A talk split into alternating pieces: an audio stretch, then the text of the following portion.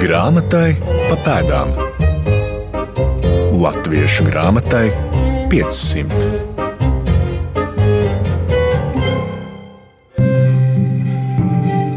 Esiet sveicināti, cienījamie klausītāji! Vai atminaties stāstu šajā raidījumu ciklā par ārkārtīgi precīzo sava laika dokumentētāju Johanu Kristofu Broci, kurš būtu pelnījis lielu atzinību? Daudz vairāk mums būtu nepieciešams atklāt vēl kādu personību, kas punktualitātes ziņā līdzinājies Brocem, un tas ir grāfs Ludvigs Augusts Mellīns. Šoreiz dosimies pa pēdām Mellīnam, kartogrāfam, tiesnesim un zemnieku aizstāvim 18. un 19. gadsimtā, un iepazīsim darbu, kas apliecina Mellīna precizitāti. Tas ir Vidzemes un Igaunijas guberņas atlants jeb Atlas von Līfland. Mans vārds ir Marijona Baltkalne, un tiekos ar Latvijas Nacionālās bibliotēkas vadošo pētnieku Paulu Daju un Letonikas un Baltijas centra krājuma ekspertu Reini Vāveru. Vispirms Reinis Vāvers stāsta, ko tad ietver Atlants ar izmēros iespaidīgajām lapusēm. Atlants tātad ietver vidzemi un visu Igauniju. Tas parāda četrus latviešu apriņķus, kas ir mūsdienu Latvijas teritorijā. Rīga, Cēsis, Valmiera un Valka un desmit Igaunijas apriņķus. Un šeit jāpiezīmē, ka Atlants rāda jau jauno administratīvo situāciju, jo 1783. gadā Katrīna II uzsāka vai turpināja administratīvās reformas, un Latvijas teritorijā tika izveidota Rīgas vietniecība. Un līdzīgi tika arī izveidota Tallinas vietniecība Igaunijā. Un šis Atlants rāda jau šo administratīvo iedalījumu pēc 1783. gada. Un tas ietver ļoti daudz līdz tam īsti kartē neatrādītus objektus un ziņas. Un ir uzskatāms par tādu kā 18. gadsimta kartogrāfijas vēstures apkopojumu un savā ziņā pat pieminekli šai 18. gadsimta kartogrāfijai. Un piemineklis tādā ziņā, ka tas ir kaut kas tāds, kas top pirmo reizi, neviens neko tik detalizēti pirms tam nav izdarījis. Tieši tā, īpaši Latvijas un Igaunijas teritorijā, bet arī tas savā ziņā apkopo līdz tam 18. gadsimta savāktās geogrāfiskās ziņas. Jo pats Grāfs Mēlīns bija ļoti ieinteresēts gan geogrāfiskajā izpētē, Un šeit jāpiemina mācītājs Augusts Vilkēls Hupels, kurš sagatavoja Vidzemes un Igaunijas topogrāfisko aprakstu. Un Grāfs Mēlīns ļoti vēlējās šim aprakstam pievienot arī detalizētas kartes.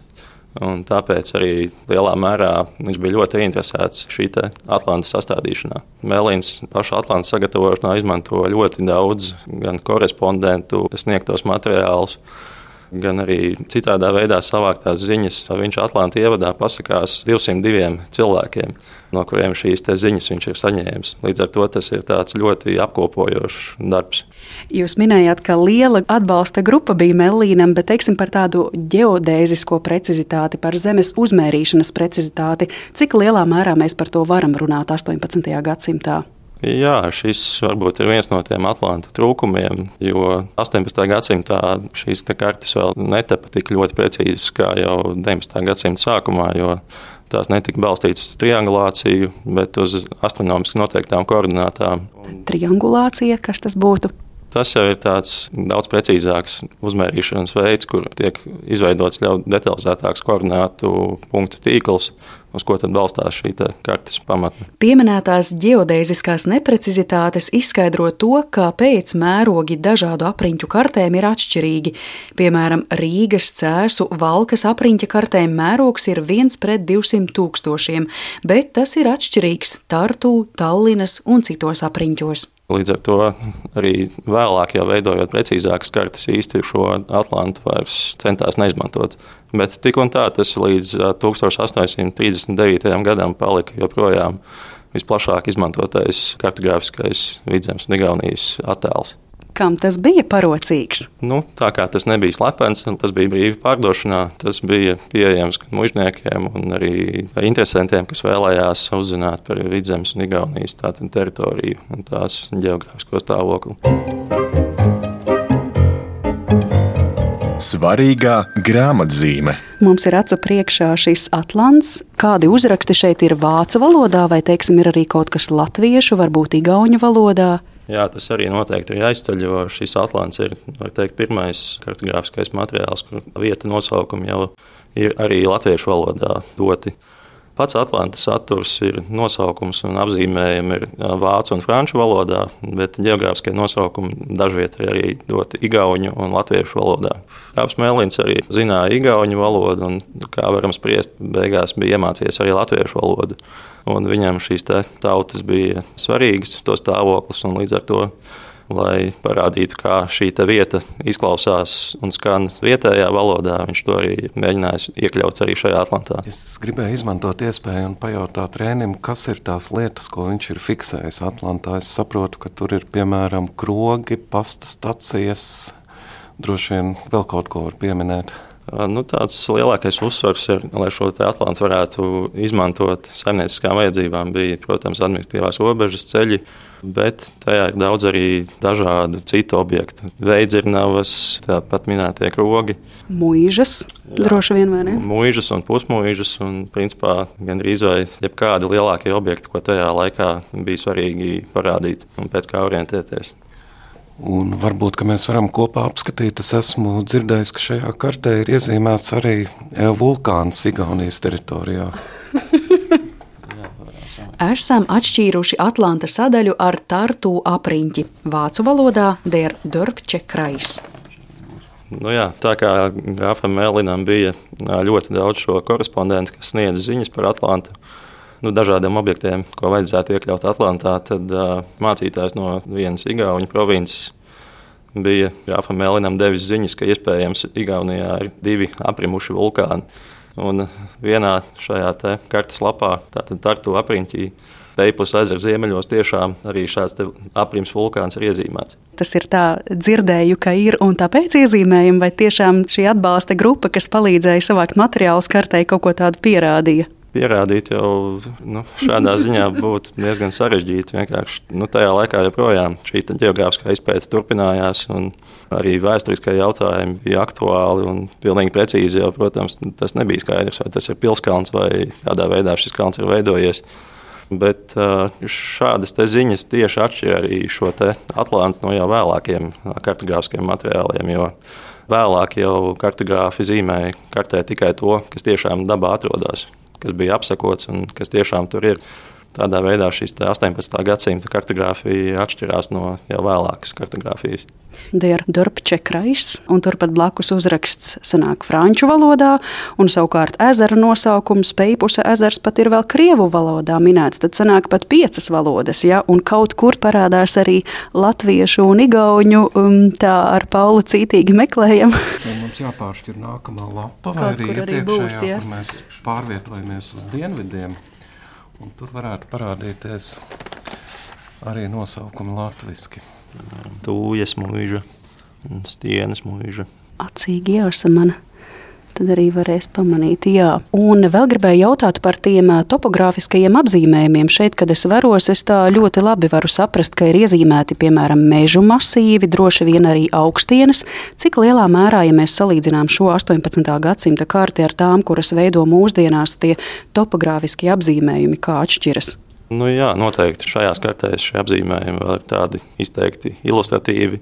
Bet, nu, protams, arī šo karti var uztvert arī kā savā ziņā mākslas darbu. Jo droši vien piekritīsiet, ka šī karte izskatās nu, skaistāk nekā mūsdienu tehniskās vairāk kartes. Un šos apzīmējumus papildina arī dažādas viņietes un kartušas, kas ir iezīmētas katrā kartes lapā. Tie tādi kā mazi mākslas darbiņi. Ja? Jā, jā. Nu, tas arī raksturo šo 18. gadsimta kartogrāfiju, ka karte ir arī kā mākslas darbs. Bet varbūt jā, geogrāfisku precizitāti mūsdienās šī karte mums neiedos it kā, bet tajā pašā laikā, cik es saprotu, šo karšu sastādīšanā viens no Melīna atbalsta grupas pārstāvjiem ir bijis Johans Kristofs Broce. Un broces zīmējumi jau gan, cik ir zināms, mūsdienās pat arhitektiem palīdz saprast pilsētu. Tad kā mēs tomēr uz šo karti mūsdienās varam raudzīties tiešām, kā jūs minējāt, uz mākslas darbu, vai tomēr, tomēr kaut ko tā rūpīgi pētot, mēs varam arī atklāt tādā geogrāfiskā ziņā? Noteikti mūsdienās šo Atlantu joprojām var izmantot 18. gadsimta objektu vietas fiksēšanai Un pētniecībā tas nav tik ļoti neprecīzs, lai to noteikti nevarētu izmantot. Jo, kā jau minēju, šis Atlantijas kartogrāfiskā veidā apkopo līdz tam 18. gadsimtā veiktos pētījumus par vidzemes un Igaunijas geogrāfiju, un šos objektus parāda kartē. Tā kā noteikti šo Atlantu var pētīt jaunu atklājumu veikšanai. Tālāk interesējos, kā veidojies Melīna ceļš līdz kartogrāfijai un Atlanta veidošanai, vai viņš to kaut kā speciāli mācījies. Šeit pētnieks Pauls Dāja piedāvā pakāpties dažus gadu desmitus pirms Atlanta tapšanas un iepazīstina ar itin raibo un piesātināto Melīna dzīves gājumu. Izpētes augsne Latviešu grāmatai 500. Melīns nāk no Igaunijas vāciešu aristokrātu ģimenes. Viņš bija grāfs. Un e, raksturīgi ļoti daudziem aristokrātiem tajā laikā viņš izvēlējās militāru karjeru. Viņš e, strādāja Pēterburgas ģenerālštābā, un viens no viņa uzdevumiem bija militāro karšu sastādīšana. Līdz ar to viņš jau profesionāli apguva šīs iemaņas, ar ļoti konkrētiem praktiskiem mērķiem. Mēs zinām, ka viņš arī piedalījies vienā no Krievu-Turku kariem 18. gadsimta otrajā pusē. Kad Melīnam bija 29 gadi, viņš atvaļinājās no militārā dienesta. Nav īsti skaidrs, kāda bija motivācija, bet viņš atgriezās no Pēterburgas eh, Baltijā, apmetās uz dzīvi vidzemē un kļuva par Rīgas apriņķa tiesnesi. Un jau turpmāk viņa dzīve saistījās ar Bīriņu mūžu kur viņš uzturējās un kur arī tapa šis vidzemes atlants. Līdz ar to Melīna dzīve sašķeļās divās daļās. Viena ir militārā karjera, un otra ir tiesneša karjera. Bet Melīns bija ārkārtīgi interesanta personība. No vienas puses var jau teikt, ka 18. gadsimtā Baltijā ir pilns ar interesantām personībām. Bet pat uz šo cilvēku fona Melīns izceļas īpaši. Viņš bija, e, būdams tiesnesis, ļoti aktīvs publicists. Kaut kādā ziņā varbūt mēs varam viņu saukt arī par žurnālistu. Un viņu ļoti interesēja vēsture. Un kaut kādā mērā šī interese par vēsturi parādās arī Vidzemes Atlantā, kur viņš fiksē piemēram senos pilskalnus, par ko viņš arī rakstījis. Bet uh, interesanti un atkal ļoti raksturīgi tam laikam, ka uh, Melīns faktiski ar vienu kāju atradās humanitārajā pasaulē un ar otru eksaktajā un tehniskajā. Un tā laika intelektuāļiem bieži vien šīs lietas nebija nošķirtas. Un Melīns ļoti interesējās arī par tehnoloģiskiem atklājumiem. Turpat dzīvodams Bīriņos, viņš ir publicējis Baltijas vācu presē rakstus par elektrību un magnētismu. Jau 18. gadsimtā ļoti daudz eksperimentu par elektrību, un tas viņam ārkārtīgi interesēja. Tāpat ļoti intriģējoši viņa raksti par perpetuum mobīle, mūžīgo dzinēju. Nu, ar to ir domāta vidzemes pusē kāda kalēja izstrādāts dzirnavu modelis. Arī ļoti daudz interesanti kultūra vēsturiski novērojami, vai tas, ko viņš pats sauc par kuriozitātēm. Jā, tas nozīmē, ka ļoti daudzveidīgi hobiji, un īstenībā šķiet, ka arī šī atlanta veidošana, kas norisinājās daudzu gadu garumā, arī savā ziņā uz to varētu skatīties kā uz Melīnu hobiju. Protams, ka viņš tika par to vēlāk atalgots, bet ja viņam nebūtu šis darbs sagādājis prieku un gandarījumu personīgā līmenī, tad jau tas noteikti nebūtu tapis. Turklāt viņš paralēli tam strādāja tiesā. Šo atalgojumu viņš saņem no kā? Kam viņš patiesībā to speciāli rada? Jo es saprotu, ka tas ir pasūtījuma darbs. Principā šis e, pasūtījums nāk no Krievijas troņmantnieka Pāvila. Tātad tas ir valsts pasūtījums un drusku saistīts arī ar Melīna pieredzi militārajā sfērā. Jā, tas darbs pie Atlanta principā sākās 1782. gadā kad uh, troņmantnieks Pāvils atgriežas Krievijas impērijā caur Rīgu un uh, lūdz vidzemes divīzijas priekšniekam ģenerālim uh, Bergam parādīt karti ar karaspēku izvietojumu vidzemē. Un ģenerālis Bergs šo uzdevumu sagatavot šādu karti ļoti īsā laikā uzdod uh, grāfam Melīnam. Tajā laikā viņš vēl tātad dienestā, un uh, grāfs Melīns šo karti parāda uh, troņmantniekam Pāvilam. Uh, Un uh, pie reizes izsakoties, ka diemžēl par kartes precizitāti viņš nevar garantēt, jo pietiekami precīzas kartes vidzemē vēl nav. Un līdz ar to Pāvils ierosina Melīnam sagatavot šādu precīzu karti, kas vēlāk varētu noderēt arī gan militārām, gan arī saimnieciskām vajadzībām. Pirmā lapa, tātad Rīgas apriņķa lapa, tiek iespiesta 1791. gadā. Tātad ir pagājuši jau astoņi gadi. Nākamās lapas tiek iespiestas nu, teikt, katru gadu, un lapas tiek iespiestas Vācijā. Sākumā Berlīnē, un pēc tam arī vēlāk Leipzigā un Veimārā. Tas ir tādēļ, jo Atlanta izdevējs bija Rīgas lielākais grāmatu izdevējs Johans Friedrichs Hartnoks, kurš tātad sākumā vēlējās kartī iespiest, jeb gravēšanu veikt Pēterburgā, bet par to tika prasīta ļoti liela maksa, un izdevīgāk to bija darīt Berlīnē.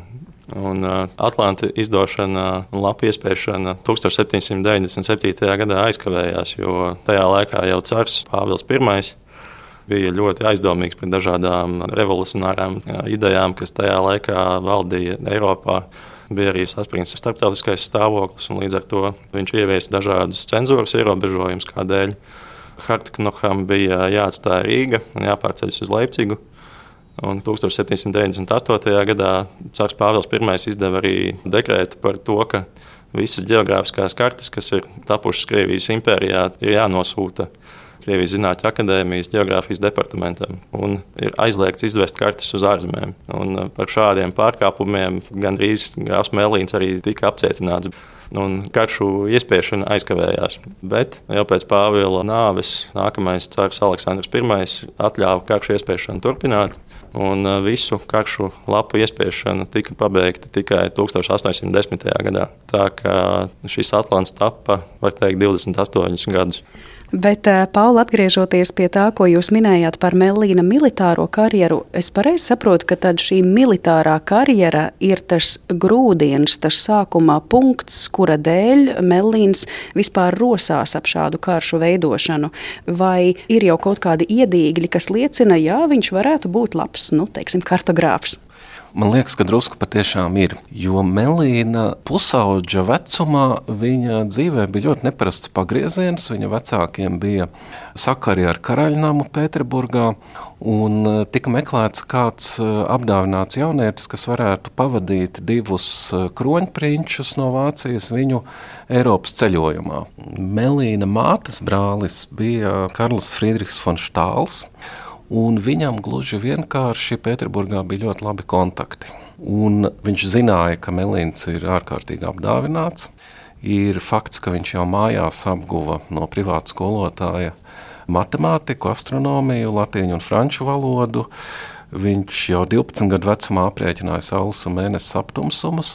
Tā tad nu, droši vien savā veidā viens no tā laika brīnumbērniem. Un, acīm redzot, tieši šis bija iemesls, kāpēc Štāls varēja ieteikt Melīnu kā savu radinieku atvasi, ka tas būs arī tāda piemērota kompānija un labs iespējas uz jaunajiem kroņprinčiem. Mm. Nu, tas bija laiks, kad šie lielie Eiropas ceļojumi, jeb Grand Tours, bija ļoti izplatīti. Pirmkārt, jau aristokrātu vidū, nu, 18. gadsimta otrajā pusē aizvien vairāk arī vidusšķiras vidū. Un parasti jau tas galvenais mērķis šiem ceļojumiem bija Itālija, jo tā bija iespēja iepazīties ar antīkās kultūras mantojumu un tādā veidā papildināt savu izglītību, aplūkojot arī klātienē šos kultūras un mākslas pieminekļus. Bet ceļojums varēja ietvert arī Franciju, vācu valodīgās zemes, Šveici un tā tālāk. Un eh, vairāk gadu garumā Melīns eh, kopā ar abiem kroņprinčiem pavadīja šajā ceļojumā. Viņi tikās ar daudzām savu laiku ievērojamām personībām. Piemēram, mēs pavisam droši zinām, ka Melīns ir ticies ar Voltēru, viņš ir ticies ar Romas pāvestu, eh, viņš ir ticies ar Prūsijas karali Friedrihu Lielo, Ceļojums sākās, kad viņam bija 13 gadi un noslēdzās 19 gadu vecumā. Nu, viņš izmantoja šo laiku arī studijām. Jau tad, es domāju, uztverot visus šos daudzveidīgos iespaidus, kas šādā līmenī un arī tiekoties ar šāda veida personību loku, pat Baltijas aristokrātijai netipiski.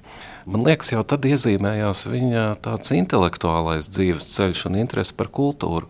Un iemesli, kāpēc viņš tomēr izvēlējās doties militārajā dienestā, vismaz man pašlaik nav līdz galam skaidri. Tā kā man liekas, no vienas puses militārā pieredze, no otras tieši šī ceļojuma pieredze varēja būt, ja ne tas, kas ierosināja viņu domāt par vidzemes Atlantu, katrā ziņā tas, kas padarīja šo darbu viņam tik ļoti aizraujošu un kas deva nozīmīgus impulsus. Jā, tātad eh, šis atlants ir tāds melīna dzīves pacēlums, tad, kad tas uh, paiet. Kā rit šī viņa mūža nogale, viņš uh, turpina šīs tiesneša darba gaitas līdz pat dzīves beigām? Viņš uh, turpina strādāt par tiesnesi, un jau arī Atlants to paralēli darba pienākumiem, bet Melīns arī 19. gadsimta pašā sākumā kļūst par vidzemes lantāga locekli. Tātad pulcējas kopā ar citiem vidzemes mužniekiem. Protams, Melīns pats ir mužnieks. Bet tieši laiks, kad viņš ņem dalību Lantāgā, ir arī laiks, kad tiek izstrādāti zemnieku likumi. Ne tikai likums par dzimbošanas atcelšanu 19. gadsimta otrajā desmitgadē, bet pirms tam jau likumi, kas ievada šo procesu, un ļoti daudz uh, diskusiju par dzimbošanu. Nu, jā, starp citu, šīs kartes tapšanas laikā nāk klajā garlība merķeļa latvieši. Un, protams, Frančijas revolūcijas iespējas arī aktualizē idejas par dzimbošanu. Svarīgā grāmatzīme.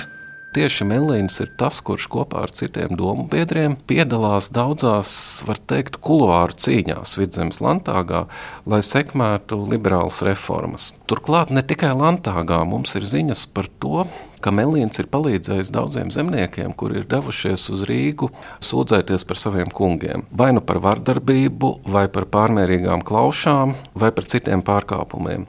Un mēs jau zinām, ka Garlības Merķelis citē šo populāro frāzi latviešu vidū, ka zemnieks, kurš ir devies sūdzēties par savu kungu, ir devies pēc rīkstēm. Jo parasti jau tiesa nostājas mužnieku, nevis zemnieku pusē. Un interesanti, ka tiesu protokolos un citos avotos ir fiksēts, ka ir bijuši vairāki zemnieki savā starpā nesaistīti, kas ir devušies pirms tiesāšanās uz bīriņiem pie Melīna, Melīns ir viņus konsultējis, devis ieteikumus, kā komunicēt ar tiesu. Reizēm arī devis ieteikumu vēstules. Nu, ja mums ir ziņas par vairākiem šādiem zemniekiem, tas nozīmē, ka realitātē droši vien vēl vairāk. Un tas arī nozīmē, ka acīm redzot, latviešu vidū ir izplatījušās tādas baumas un runas, ka Melīns Bīriņos ir tas cilvēks, kurš var palīdzēt. Jā, Melīns nerakstīja publicistiskus tekstus par šo tēmu, kā Mirķelis, bet viņš darbojās praktiski tajās robežās, ko viņš varēja aizsniegt. Bet jāpiebilst gan, ka pēc dzimbošanas atcelšanas Melīns sarakstīja brošūru, kurā kritizēja šo norisi no tā viedokļa, ka zemniekiem gan ir piešķirta brīvība, bet ne tiesības uz zemi, tā saucamā putna brīvība un aprakstīja to, ka viņa paša mūžā daudz zemnieku ir vīlušies, un tas pats attiecas arī uz citām mūžām. Un e, šo grāmatu gan cenzūra izņēma no apgrozības. Un vēl es ticu, ka ņemot vērā to, ko Melīns darīja par labu zemniekiem, tas droši vien nepatika citiem mūžniekiem, vai ne? Jā, paši zemnieki bija patiešām sajūsmā. Ir ziņas par to, ka 18. un 19. gadsimta mijā pie Melīna Bīriņos ieradās zemnieku delegācija, kas bija sametuši naudu, nepilnus 2000 dalderu man šķiet lai uzceltu Melīnam pateicībā pieminekli. Viņš to apraksta savā atmiņā un saka, ka viņš ir pierunājis zemniekus, ka, ja kaut ko tādu darīs, tad pēc viņa aiziešanas mūžībā. Bet Eh, pati šī rīcība no zemnieku puses liecina par Melīnu popularitāti. Un ne jau velti, jo viņš ieviesa ļoti daudz eh, reformu savā mūžā, un faktiski jau viņš īstenoja savas mūžas robežās virkni tādu pārkārtojumu, kas kļuva par normu daļēji pēc dzimbošanas atcelšanas, un daļēji īstenībā tikai 19. gadsimta vidū, kad sākās māju iepirkšana par dzimtu. Jā, Melīns bija tādā agrāro reformu ziņā ļoti priekšā savam laikam, un pilnīgi noteikti izteikts uh, latviešu draugs un labvēlis. Un tādā ziņā nu, drusku viņu mēs varam saukt arī par nepareizo aristokrātu, nepareizo mužnieku daudz laika biedru acīs. Piemēram, kad Melīns izveidoja vienu no pirmajām, daži uzskata, ka pašu pirmo labības magazīnu vidzemē, proti labības fondu, kuru sākotnēji sponsorēja mūža, vēlāk zemnieki paši, lai būtu rezerves ar labību bada gadiem, kas bija ļoti liela problēma. Šai magazīnu tradīcijai bija ļoti liels iespējas uz zemnieku labklājību, un interesantā kārtā Melīns saskārās ar spēcīgu kritiku no mužnieku puses. Un vēlāk, kad um, tapa zemnieku likumi, tieši Melīns bija tas, kurš atklāja, ka daži mužnieki bija mēģinājuši likumus sagrozīt sev par labu. Viņš uh, izgaismoja šo krāpšanos un sekoja skandāls vidzemes lantāgā. Un, protams, falsifikāciju vairs nevarēja īstenot, bet tajā pašā laikā Melīns bija spiests atkāpties no amata. Respektīvi, viņš tika izstumts. Attiecības ar mužniekiem viņam nebija labas, bet eksistēja tāds liberāli noskaņots mužnieku lokus un arī plašākā nozīmē, protams, intelektuāļu lokus vidzemē. Un Melīns noteikti bija viena no tādām atslēgas personībām, bet mēs zinām, ka viņš pēc rakstura bija noslēgts, kluss Jā, tāpēc viņš nav pirmais, kas tiek minēts parasti starp uh, savas paudzes līderiem vai cīnītājiem par reformām. Drīzāk man liekas, viņa temperaments bija piemērots tieši tādam pacietīgam, rūpīgam darbam, kā darbs pie šī Atlanta. Un var teikt, ka tas, ko viņa temperamenta līdzinieks Broce zīmēja, to viņš savukārt uzlika uz kartes. Man liekas, ka ļoti sadarīgs pāris, Melīns un Broce. Un droši vien Broci mēs pazīstam drusku labāk. Nu, Melīnu mums būtu vērts tikpat labi iepazīt. Melīns atdusas bīriņa pusē, un tas piemineklis viņam ir uzcelts. Nu, pieminekli tā arī uzcelt neizdevās, bet iesakņojās viena cita tradīcija. Melīns savā testamentā novēlēja vairākus tūkstošus rubļu tam, lai katru gadu labākie novada zemnieki tiktu apbalvoti ar prēmijām. Un uh, šis finansējums tika noguldīts kādā no krājuma aizdevuma iestādēm.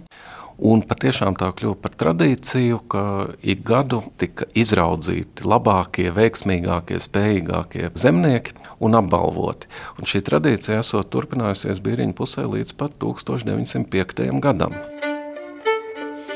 Šī tradīcija ir tikai viena no detaļām tajā daudzo darbu virknē, ko Mellīns paveica ar mērķi uzlabot zemnieku dzīves līmeni, lai zemnieki justos kā savas dzīves saimnieki. Mellīns ar savu piemēru parādīja, ka mūža arī varēja palīdzēt zemniekam krīzē, tieši materiālā ziņā, un ka visi mūžnieki nebija vienādi. Grāfs Ludvigs Augusts Mellīns bija viens no šādiem izņēmumiem. Pa viņa dzīves takām šodien devās Mariona Baltkalne, sarunājoties ar Reini Vāveru un Paulu Dāju. Šī raidījuma padomdevējs ir Latvijas Nacionālā bibliotēka un Latvijas Universitātes akadēmiskā bibliotēka. Par skanējumu rūpējās Nora Mitspapa, producente Santa Lauga. Nākamajā raidījuma sērijā skaidrosim, kādas attiecības pastāvēja starp izdevējiem un grāmatiespiedējiem 18. gadsimtā un kam mūsdienās kalpo Bostona prese Latvijas Nacionālajā bibliotēkā. Grāmatai pa pēdām Latviešu grāmatai 500.